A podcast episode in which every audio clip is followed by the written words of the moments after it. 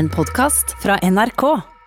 Karim, hvor Yes. mange bananer går det på én yard? En yard, jeg har ikke hørt om det før. Altså. Yard er eh, noe vi i finansmiljøet kaller én milliard. En milliard? Ja, Ja, da er det 1000 bananer, da. 1000 bananer, så det betyr én banan er én million. Ja, det stemmer. Helt riktig. Ja, velkommen her til Oslo fengsel. Jeg står her sammen med Ole, mitt navn er Karim. Vi skal gjøre noe veldig spesielt i dag, som vi ikke gjør ofte, Ole.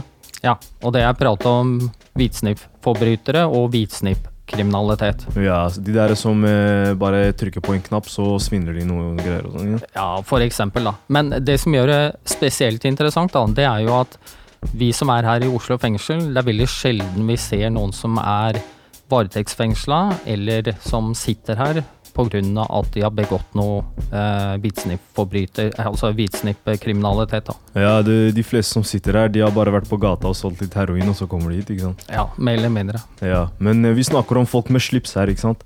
Eh, ikke nødvendigvis, men eh, de bruker veldig ofte dress. De har pen skjorte, pen bukse. De eh, jobber i offentlige etater, har eget firma eller er Mm. direktør. Og så skal vi snakke med to gjester. Den ene er Kjell Ola Kleiven. Han er styreleder i RIG. ikke sant? Det er et firma som driver med analyser av risiko og sånn når det gjelder visningskriminalitet. Ja. Uh, han går også med slips, tror jeg. Uh, nei, han har uh, kun åpen skjorte, men han har dressjakke og dressbukse. Ah, Ok, du kjenner han, jeg visste ikke det. Ja, Hvem andre det. er det vi skal snakke med? Vi skal også prate med Petter Gottschalk. Han er professor på BI, men han levde Professor, ok. Ja, men han levde da et ganske utsvevende liv som jappe Altså som japp, da. Det, er japp? tilbake på 80-tallet. Japp. Japp er en betegnelse vi brukte på en suksessfull eh, forretningsmann som tjente sinnssykt mye penger, brukte veldig mye penger. Hadde alltid mobiltelefon på seg og snakket forretninger så å si hele tiden. Og sist, men ikke minst, hadde champagne til frokost. Nei, jeg trodde Japp var sånn sjokolade, men eh, ja, det går bra. Ja, men da kjører vi av gårde. Ja, det skal vi gjøre. Vel, vær så god. Velkommen. Ja, vær så god.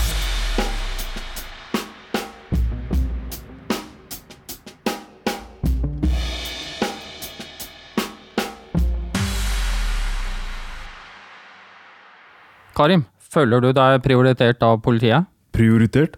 Prioritert, ja. Altså, hvor hardt jakter de på deg? Å, fy faen. Du vet, bro, hvis de ser meg gå forbi, de legger fra seg smultringer og kaffe og alt. De bare kjører etter meg. Men eh, du som driver med sånn hvitsnippskriminalitet, da, eller Ja. har gjort det, Ja. føler du deg prioritert? Nei, egentlig ikke. Jeg føler meg ganske langt ned på lista. Stort sett eh, de fleste anmeldelsene om meg eh, går rett i søpla, tror jeg. Ja, fordi vi har litt statistikk her. Ja. Og du vet Økokrim, da, som skal ta de her hvitsnippskriminelle, da.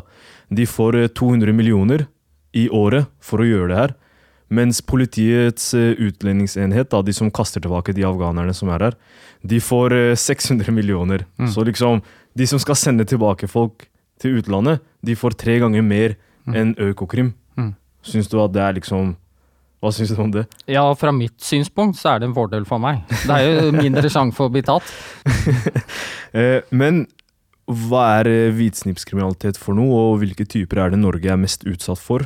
Det er det Kjell Ola Kleiven skal eh, svare oss litt på. De fleste kjenner jo han fra Svindeljegerne. Det er hvor han jakter folk i Spania og løper etter folk og sånn, med kamera og sånn. Ja, Ja. Det skal bli spennende. da. Yes, Men da setter vi over til studio på utsiden.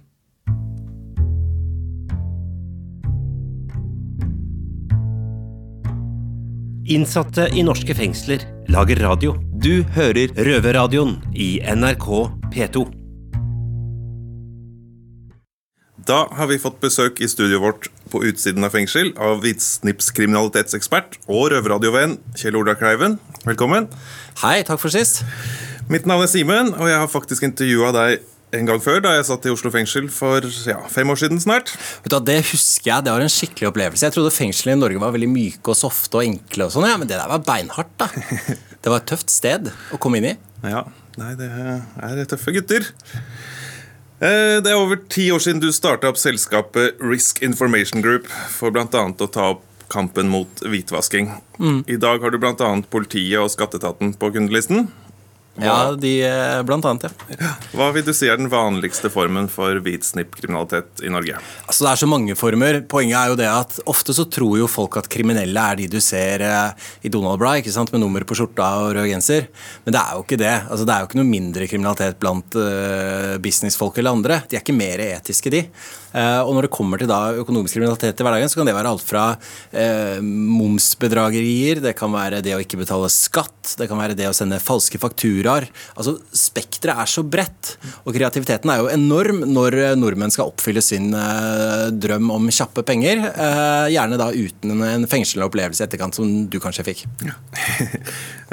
Hvilke typer hvitsnipperier har vi, og hvor utbredt er de egentlig?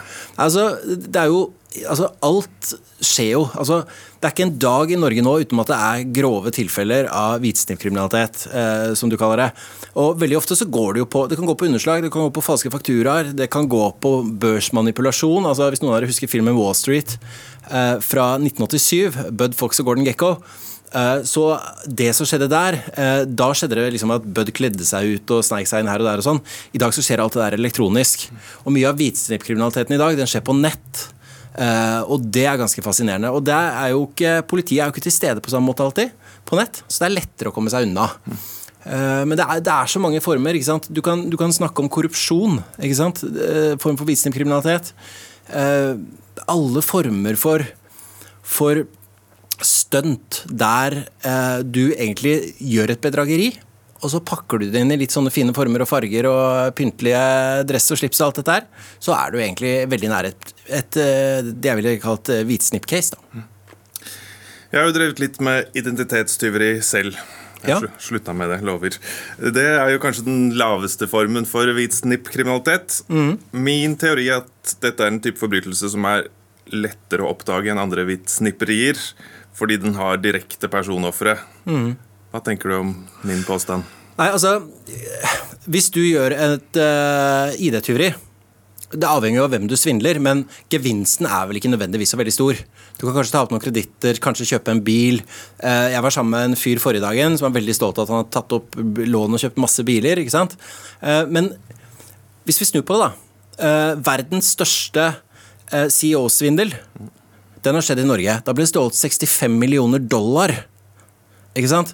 Du er jo røver. Ja. Vi er enige om det, ikke sant? Eller i hvert fall uh, har vært. Var. Ja, var. Uh, ikke sant? Du har en grei dag på jobben som røver hvis du stjeler 65 millioner dollar. Det skulle, hadde tatt seg ut. Ja. Det hadde vært hyggelig. Ja. Og for meg så er det den genuine formen for hvitsnittkriminalitet. Det handler om store beløp, og det handler om å gjøre det på et sett som er raffinert. ID-tyveri kan være det hvis du kommer unna med en stor gevinst. Det er veldig sjelden man gjør det. Ja. Eh, de fleste sånne ID-tyverier i Norge er sånn 30 000-50 000, kanskje. Og mindre enn det også. Jeg ble jo tatt i den ene saken. Det var jo om lag 150 000. Men jeg hadde ganske mange sånn, som du sier, sånn 30 000-50 000 kroners saker som ja, jeg, jeg ikke ble, ble, tatt for. Mm. Uh, ikke, politiet trenger ikke å begynne å lete opp i det her. Uh, de er snart foreldre uansett. Det kom kjapt. uh, men hvor stor sjanse er det for å bli tatt? Vi skal komme litt tilbake til straffenivå etter hvert. Mm. Men hvor stor sjanse er det for å bli tatt sånn? Du sier at for disse gutta som som, uh, som gjør, er gode på det. Så, så altså, hvor, hvor, lett er det å slippe unna hvis det er snakk om mange millioner? da? Det er jo to ting som beskytter en forbryter i dag. Det ene er geografiske grenser. Det er, sant, det er mange kriminelle som har flyttet til Lørenskog, for det er mindre ressurser i Lørenskog politidistrikt enn i Oslo f.eks., så man spekulerer i bygrenser. De som er superproffe, de spekulerer på tilsvarende sett i landegrenser. ikke sant? Så hvis du sitter ute i den store verden og bruker internett som kanal, så er sannsynligheten for å bli tatt minimal. De som stjal 65 millioner dollar eksempelvis i Norge, eh, de nyter nok ganske godt av de pengene de kom unna med i det store utlandet i dag. Og norsk politi har jo ikke all verdens ressurser til å følge en sånn sak. Riktignok la de mye ressurser i den saken. Men eh, dette er også grunnen til at mye av narkokartellene og sånne ting eh, gjør mer og mer bedrageri. Fordi at eh, strafferammene er ganske lave, og det er lett å komme unna. Eh, og risikoen er ikke så stor som f.eks. Eh, andre kriminalitetsformer som prioriteres høyere. Mm. En del av hvitsnippkriminaliteten skjer jo innad i bedrifter. Mm. Stemmer det at, bedrift, at, i en bedrift, hvis noe blir oppdaga, at det kanskje blir en personalsak eller en oppsigelse når det oppdages en utro tjener? og at det egentlig blir oppdaga mange saker som aldri når justisvesenet? Ja, det er jo riktig det. Og bakgrunnen for det er jo at det er veldig dyrt å få eh, en sånn sak forbundet med en bedrift. Mm. Ikke sant? Ofte så kan det hende at du løses fra jobben din. Eh, at du ikke blir politianmeldt, men at du rett og slett må gå på dagen. Eh, ofte så utgiftsfører bedriftene tap. I en del av de store sakene vi ser hvor noen stjeler flere millioner, så er det ikke engang sikkert at det blir politianmeldt. Fordi at For et stort selskap så er de redd for å få svekket omdømme fordi de har driti seg ut og blitt lurt. Så um, det er jo slik at hvis du lurer et stort selskap, så er det uh, ikke nødvendigvis at konsekvensene er de samme som de ellers er. Og så skal man jo også huske at selv om du tilstår et forhold, så er det ikke sikkert politiet kan bevise at du har gjort det. Nei. Eh, jeg lærte tidligere i dag at det er over 140 mennesker som har tilstått drapet på Olof Palme. Det. det er åpenbart ikke alle de som har gjort det. Og de kan heller ikke straffes for det så lenge de ikke kan bevise at de har gjort det. Så Sånn er det jo med hvitsnipp òg. Hvitsnipp er ofte vanskelig og litt sånn hva skal man kalle det, nerdete på det settet at det er ikke like sexy som et Nokas-ran med finlandshette og gevær. Nei. Eh, du snakker jo med en del politikere. Ja, det hender det. Hva advarer du politikerne våre om? Du er jo på Stortinget og sånn innimellom. Ja, ja. Altså, det som er viktig for meg, er å få politikere og omverdenen til å forstå betydningen av kriminaliteten. For dette er ikke et individproblem, det er et samfunnsproblem. Enten det er kriminelle i Holmenkollåsen, eller det er konkurransevridende kriminalitet sant, som gjør at hele bransjer eh, blir på en måte infiltrert av juksemakere. Vi kan ta f.eks. Uh, eh, vaskeselskapene. Veldig mye grums der. Uh, det er ikke så lett å vinne i konkurranse med de som gir F i skatter og avgifter. Uh, hvis du skal betale skatter og avgifter. Samme med bygg og anlegg. Enkelte bransjer er mer utsatt. og det er klart at, og Samme med terrorfinansiering, hvitvasking, korrupsjon og sånne ting. Det er viktig for meg å få fram at dette er et samfunnsproblem. Og at så lenge det er et samfunnsproblem, eh, så går det utover deg og meg som eh, skattebetalere. For det koster samfunnet penger. Eh, Nav blir svindlet for noen milliarder i året. Og det er klart at når Nav blir svindlet for noen milliarder i året, så, så er det noen som må betale de pengene, og det er egentlig skattepengene våre. da. Mm. Og Det syns jeg er en uting, og da er det viktig for meg å bearbeide politikere og andre for å få dem til å forstå at det er viktig at vi tar ikke bare den vinningskriminelle som har eh, stjålet en jakke og sitter utenfor Oslo City, men at vi også går etter de mer kanskje kompliserte sakene. At de må prioriteres. Ikke sant? Uh, selv om kanskje det er folk som sitter høyt i samfunnet og sånn også. Mm. Det er viktig at man, at man, tar de sakene som har en betydning for oss. Uh, for vi kan ikke ha et samfunn der visse typer kriminalitet det nedprioriteres. Det blir jo feil. Mm. Hva er den frekkeste hvitsnippkriminalitetsforbrytelsen du har fått med deg? Jeg syns jo at de casene der folk klarer å komme unna med store beløper mm. Hvis du klarer å stjele 100 mill., hvis du klarer å stjele 200 mill., hvis du klarer å stjele 65 millioner dollar eller en halv milliard eller lignende. Det beste eller mest fascinerende svindelcase jeg vet om for tiden, er jo han som utga seg for å være Frankrikes utenriksminister eller hva han var, og forsøkte bl.a. å svindle Erna med maske og artificial intelligence. Han er jo, det er jo bakbanen som oppfant CEO-svindel. Så han har jo et bra track record på de greiene der. Altså, det der er jo en Hollywood-film. Ikke sant? Så det er jo fascinerende. Ja. Um, og så syns jeg det er gøy å jobbe med de der, fordi at man ser liksom de logiske bristene. Hvor er det det går feil? Hva er det som kolliderer? Hva er det som gjør at det ikke er gjennomførbart? Og, eller, ikke sant? Det er, for det er alltid et eller annet du kan ta dem på, eller et eller annet du kan se i ettertid at ok, her var det jo noe som eh, ja, kanskje ikke gikk helt veien. Mm. Hva er den største feilen vi som samfunn gjør i kampen mot denne typen kriminalitet? Eh, politiet og andre måles veldig ofte på løsningsprosent. Hvis jeg skal være slem, så pleier jeg å si at purken er gode på to ting. Drap og fartsbøter. Mm. Uh, fartsbøter fordi det gir penger til statskassa, og drap fordi det er viktig. ikke sant? Man skal ikke kunne drepe sine landsmenn eller andre, for den saks skyld. Um, men men uh, en del av den sofistikerte kriminaliteten da, som er avansert, den legger vi ikke ressurser i, for den blir ikke oppklart. Det er tunge, store prosesser. Det er mektige mennesker som har mye ressurser rundt seg. Gode advokater, gode PR-rådgivere og sånn. Vi som samfunn våger ikke eller klarer ikke å utfordre de etablerte miljøene. Og det er jo en svakhet for samfunnet. Der burde vi vært flinkere, men jeg har jo håp om at internasjonale operasjoner og sånne ting kan gjøre det lettere i fremtiden. Og at man også i Norge tar f.eks. cyberkriminalitet mer på alvor. Mm. Et statlig organ som Norfund skal ikke kunne miste 100 millioner. Nei, ikke sant. Vet du hva, Det var supert at du kunne komme i dag, eh, Kjell Ola Kleven. Ren glede. altså Jeg syns det er så koselig å komme hit, og jeg er stor fan av Røverradioen. Så jeg kommer til å løpe ned døra her framover, jeg.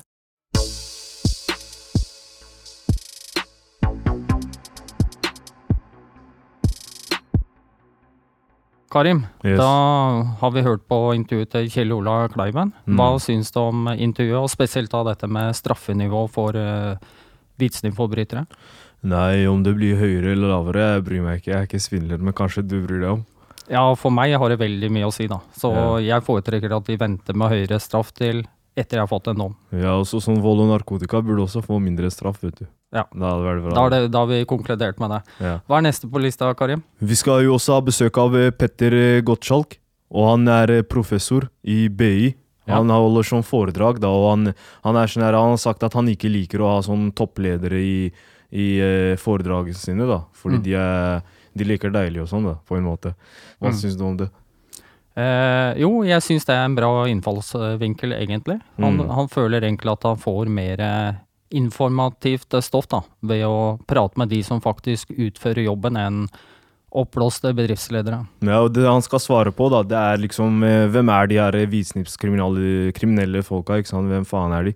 Så det, det, det skal Eidsberg ta seg av, så vi setter over dit. Vent litt, vi må ikke glemme også, han vil fortelle litt om forskjellen eh, på hvitsnippforbrytere og gatekriminelle. Ja, jeg sitter jo for det som de kaller for gatekriminalitet. Og jeg sitter for det vi kaller for eh, hvitsnippforbryter. Ja, så vi får se om eh, noen av oss kjenner oss igjen i det han skal snakke om nå, da. Da, da setter vi over til eh, gutta våre i Eidsberg fengsel. Shout-out. Ok, vi er, eh, kommer fra Eidsberg fengsel. Jeg er Mario. Jeg sitter her med Nasri og Teddy. Yes. Velkommen. I dag skal vi snakke litt om eh, sånn hvitsnippkriminalitet. Så Nasri, har du noen relasjon til det? Nei, jeg er bare vanlig gatekriminell, men ikke vet ikke mye om det der. Hva med deg, Teddy? Har du noen relasjon til det? Nei, ikke noe sånn personlig. Uh, jeg har hørt om folk som har drevet, men ikke på det nivået, for å kalle det hvitsnippkriminell.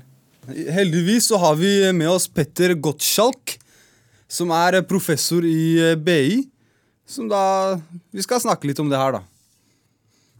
Så først, du er jo en sånn fancy professormann fra BI, men vi har hørt at du på et tidspunkt trengte politibeskyttelse fordi du fikk eh, Hells Angels på nakken. Er dette sant? Det er et greit sted å starte. Altså det som, det som skjedde, var at eh, jeg var på Dagsrevyen en del på NRK.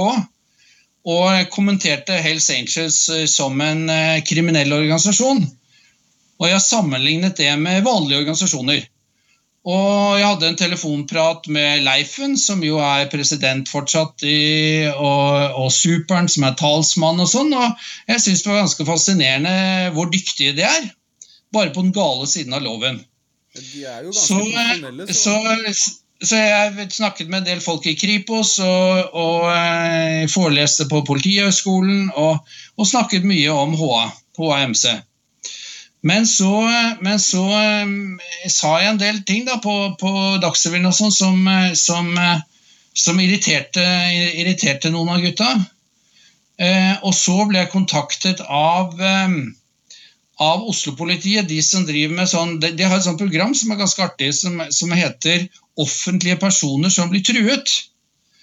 Og det ble tydeligvis jeg, da. Og, eh, så da kom jeg inn i det programmet. Eh, hvor jeg fikk en del retningslinjer. Måtte gå rundt bilen om morgenen for å sjekke at hjulene hang på. Forlate hjemmet på forskjellige tidspunkter, litt sånn. Og så var det to som eh, hadde jevnlig kontakt. Så dette var fra 2012 til 2014. Jeg syns det egentlig var litt artig. Kona mi syntes det var sånn passe. Men, eh, men det skjedde aldri. Ja, det er bra, da. Det er bra det gikk bra. Eh, Jeg lurer på hvorfor heter det egentlig hvitsk- hvitsnipskriminalitet? Jeg klarer ikke å uttale det ordentlig. Ja, det er, det er en kar, da, en, en amerikansk sosiolog, kriminolog, som het Edwin Sutherland, som, som sa at eh, for å overføre til dere, hvorfor skal vi bare ta dere, gatekriminelle, street criminals? Hvorfor skal vi ikke ta eh, kriminalitet i samfunnseliten? De som virkelig ikke behøver å gjøre noe gærent. De som eh, lever i overflod. De som bare tar seg til rette. Hvorfor tar vi ikke dem? Og det, valgte, det vakte jo i 1939 i USA kjempeoppsikt. Eh, fordi at mens dere ikke sant? Nå sier jeg dere i gåseøynene, jeg vet ikke hva dere har gjort, men, men dere i gåseøynene eh, eh, Da er det liksom så opplagt at man er kriminell og forbryter og røver og sånn. Mens de som på toppen i samfunnet, de samfunnseliten, der er det sånn at de var litt uheldige og tok en shortcut og var ikke klar over at det var lovbrudd og sånn. ikke sant? Så, så det ble alltid bare unnskyldt, det de gjør. Og sånn er det enda! Det er helt for jævlig, men sånn er det enda at det blir bare unnskyldt. Eh, men første gang det ble sagt, i 1939, så var det for å symbolisere at de som satt på kontorer, de som var advokater, de som var konsernsjefer, de gikk med, med hvit snipp og ofte slips. Mens du hadde da blue collar workers, som var alle andre som jobbet i fabrikker og på T-banen og sånn. Men uh, angående sjefer og advokater og alle de som styrer, som er langt oppe, hvor, hvor mye er det de egentlig stjeler, eller hvor mye er det de gjør kriminalitet, da? Du vet, De gjør jo kriminalitet for helt andre beløp enn en, en andre. Eh, gjennomsnittlig er det 45 millioner kroner, de som er dømt. 45 millioner kroner. Men du har jo store ting som sponsorservice var 400 millioner. Eh, finance credit var over en milliard. Eh, så, men gjennomsnittet blir 45 millioner kroner. De som er tatt. Ja, de som er tatt, ja. Men uh, og, det, og det er jo ikke mange. Er det mange som ikke blir tatt? Ja, du har jo det begrepet som kalles mørketall. Eh, det er ikke noe som heter mørketallene, selv om journalister sier det, men det er mørketallet. Mørketallet er jo forholdstallet mellom de som blir tatt, og de som ikke blir tatt. Og de områdene jeg har forsket på, da er det sånn at eh, jeg forsket, gjorde et EU-prosjekt på pedofile. Eh, og da tipper vi at det er sånn én av hundre i Norge som blir tatt for å misbruke barn. Eh, innenfor dette området her, hvitsnipp, så tipper vi 1 av 20 blir tatt.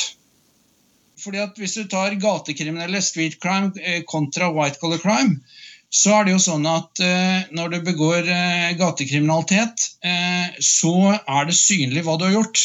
Hvis du har banket opp noen eller brutt deg inn noe sted eller langet noen narkotika, sånt, så, så, er det synlig hva du har gjort, og da må du gjemme deg. Mens innenfor hvitsnipp så blir folk på plass, på post og gjemme kriminaliteten. Den er ikke synlig. Så, så, man later som ingenting når man begår hvitsnippkriminalitet. Mens hvis du begår innbrudd eller banker opp, eh, så tipper jeg du stikker av. Eh, og det gjør de. Og da, og, så, så, det er en helt annen eh, atferd, og derfor vanskeligere å bevise. Hva er den, liksom, hva er den typiske norske hvitsnippsforbryter liksom, i Norge? Eller? En typisk hvitsnippforbryter er en mann i 40-årene som, eh, som er eh, på direktørnivå i, eh, i en bedrift. Som, som bestikker noen for å få en kontrakt i utlandet, eller underslår. Og typisk underslag er forårsaka at mannen nettopp gikk gjennom en skilsmisse. Og skilsmisse, da, da, da får du en helt mye dårligere levestandard, så du prøver å kompensere gjennom et underslag. Um, det, er typiske, det er den typiske, dømte hvitsnippforbryter i Norge. Men igjen så vet vi jo ikke om alle de 19 som ikke ble dømt. da. Men hva er motivet? Er det grådighet, da? Nei, nei det er ikke det. Er veldig, altså Grådighet er et artig ord som folk tror. Grådighet, er, grådighet betyr at uansett hvor mye du har, så vil du ha mer. Folk lurer på hvorfor begår milliardærer økonomisk kriminalitet. Eh, og det gjør de. Eh, men det er fordi, da er det fordi de er grådige, som betyr at selv uansett hvor mye du har fra før, så vil du ha mer. Det er det som ligger i ordet greed, grådighet. Nei, det er veldig ofte Motivet er veldig ofte en eller annen trussel. F.eks. Når, når, når bedriften er truet av konkurs. Nå er det jo masse økonomisk kriminalitet i forbindelse med korona. Og det er nok fordi at, at, at de som har jobbet ræva av seg for å drive, bygge opp en virksomhet, Eh, ser at, dette, ser at, dette, nå kan gå i ruiner. Det er forferdelig hvis du har stått på i 10 eller 20 år og bygget opp en bedrift og ansatt folk.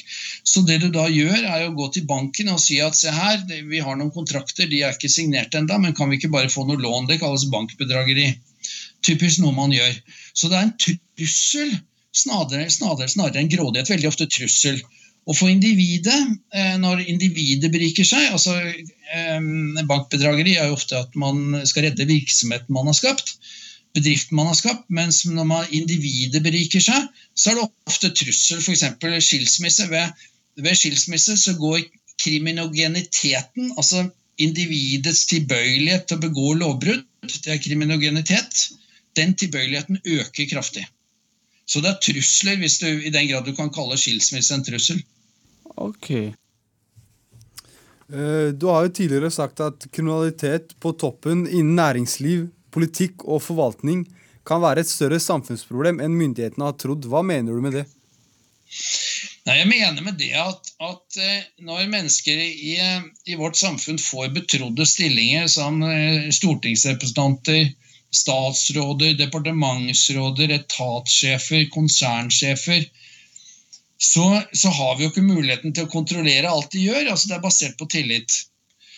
Og, og, når, og når, de da, når de da misbruker den tilliten og, og begår lovbrudd, så er det, er det så mye verre. ikke sant? Fordi at, fordi at vi kan Hvordan skal vi organisere samfunnet da, hvis, hvis, hvis vi ikke så, så, så det, jeg syns det er ille. Jeg synes det er ille, Og så syns jeg det er veldig ille når man ikke ser på dem som Da jeg begynte å bruke ordet forbryter om dem istedenfor kriminell, da ble jeg ringt opp og fikk masse mail. Nei, nei, forbryter det går bare an om gatekriminelle.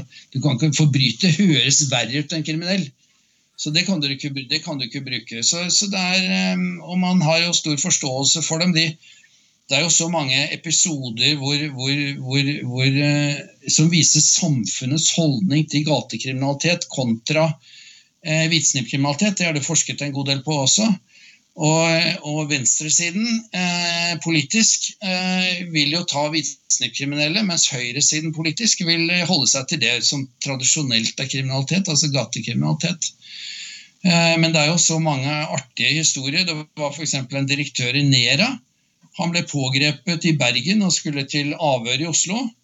Og politiet pågrep Det var to ting han da kom på forsiden i Dagens Næringsliv. For det første så kom politiet og pågrep ham hjemme i Bergen klokka sju om morgenen. Da så mine barn så at pappa ble pågrepet, det er helt forferdelig. Og så ble han ført i håndjern til, til Flesland flyplass. Og da traff han noen kolleger i næringslivet, og de så at han hadde håndjern. Og det var jo så forferdelig. Mens gatekriminelle kan vi hive på glattcelle når som helst. Ja, fordi Med gatekriminelle er det jo ganske vanlig å bare hva skal jeg si, sparke ned døra, putte på håndjerna. Det har ikke noe å si om familie, barn, mor, far og hvem som er der. da. Det er liksom, det er samme. Og det, og det er hvitsnippforbrytere hvis, de blir, hvis de blir tatt og tiltalt. Hvordan slipper de unna likevel? Jo, de kjøper seg de dyreste advokatene. Mm. Det er en av de tingene som jeg syns er utrolig urettferdig. Eh, vi snakker om straffesaker, ikke sivilsaker. I straffesaker så har man jo rett til gratis forsvar. Mm. Men du har lov i Norge til å kjøpe deg ekstra forsvarere. Jeg vet ikke om noen av dere har gjort det, Ja. men, men, det, men det har de råd til. Det har de råd til. Jo flere, jo bedre, vet du. Og mange hvitsnippsaker er jo kjennetegnet av at både jussen er klinkende uklar, og faktum er klinkende uklart. Og da, hvis du får en kreativ advokat, eller et team av advokater, tre-fire stykker, til å, til å så en bitte litt tvil, så skal du frikjennes. Så det er kjempeurettferdig. Jeg syns ikke det burde vært lov i Norge i det hele tatt at du kan betale deg for ekstra, betale for ekstra forsvar. Men det gjør de, hvitsnippene. Det gjør ikke gatekriminelle. Nei. Nei, sånn er det. Da får vi egentlig bare takke for deg, da. Eh, Nå skal jeg prøve, prøve å si det her riktig. Petter Gottschalk, Ja. professor i BI. Tusen takk for at du ville komme. Eller komme, på, for- komme over videolink. Veldig hyggelig. Takk for at jeg fikk være med.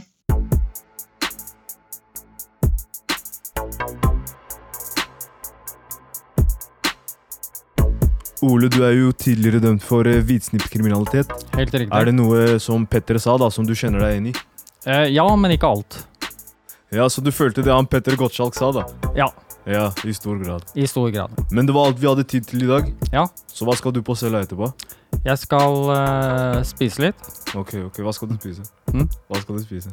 Eh, Brødskive. Ah, fy faen, Jeg har matpakke. Ja. Nei, nei, men det er bra. Mm. Nei, men da runder vi av herifra. Takk for oss. Røverradioen er laga for og av innsatte i norske fengsler. Tilrettelagt for streitinger av Rubicon for NRK.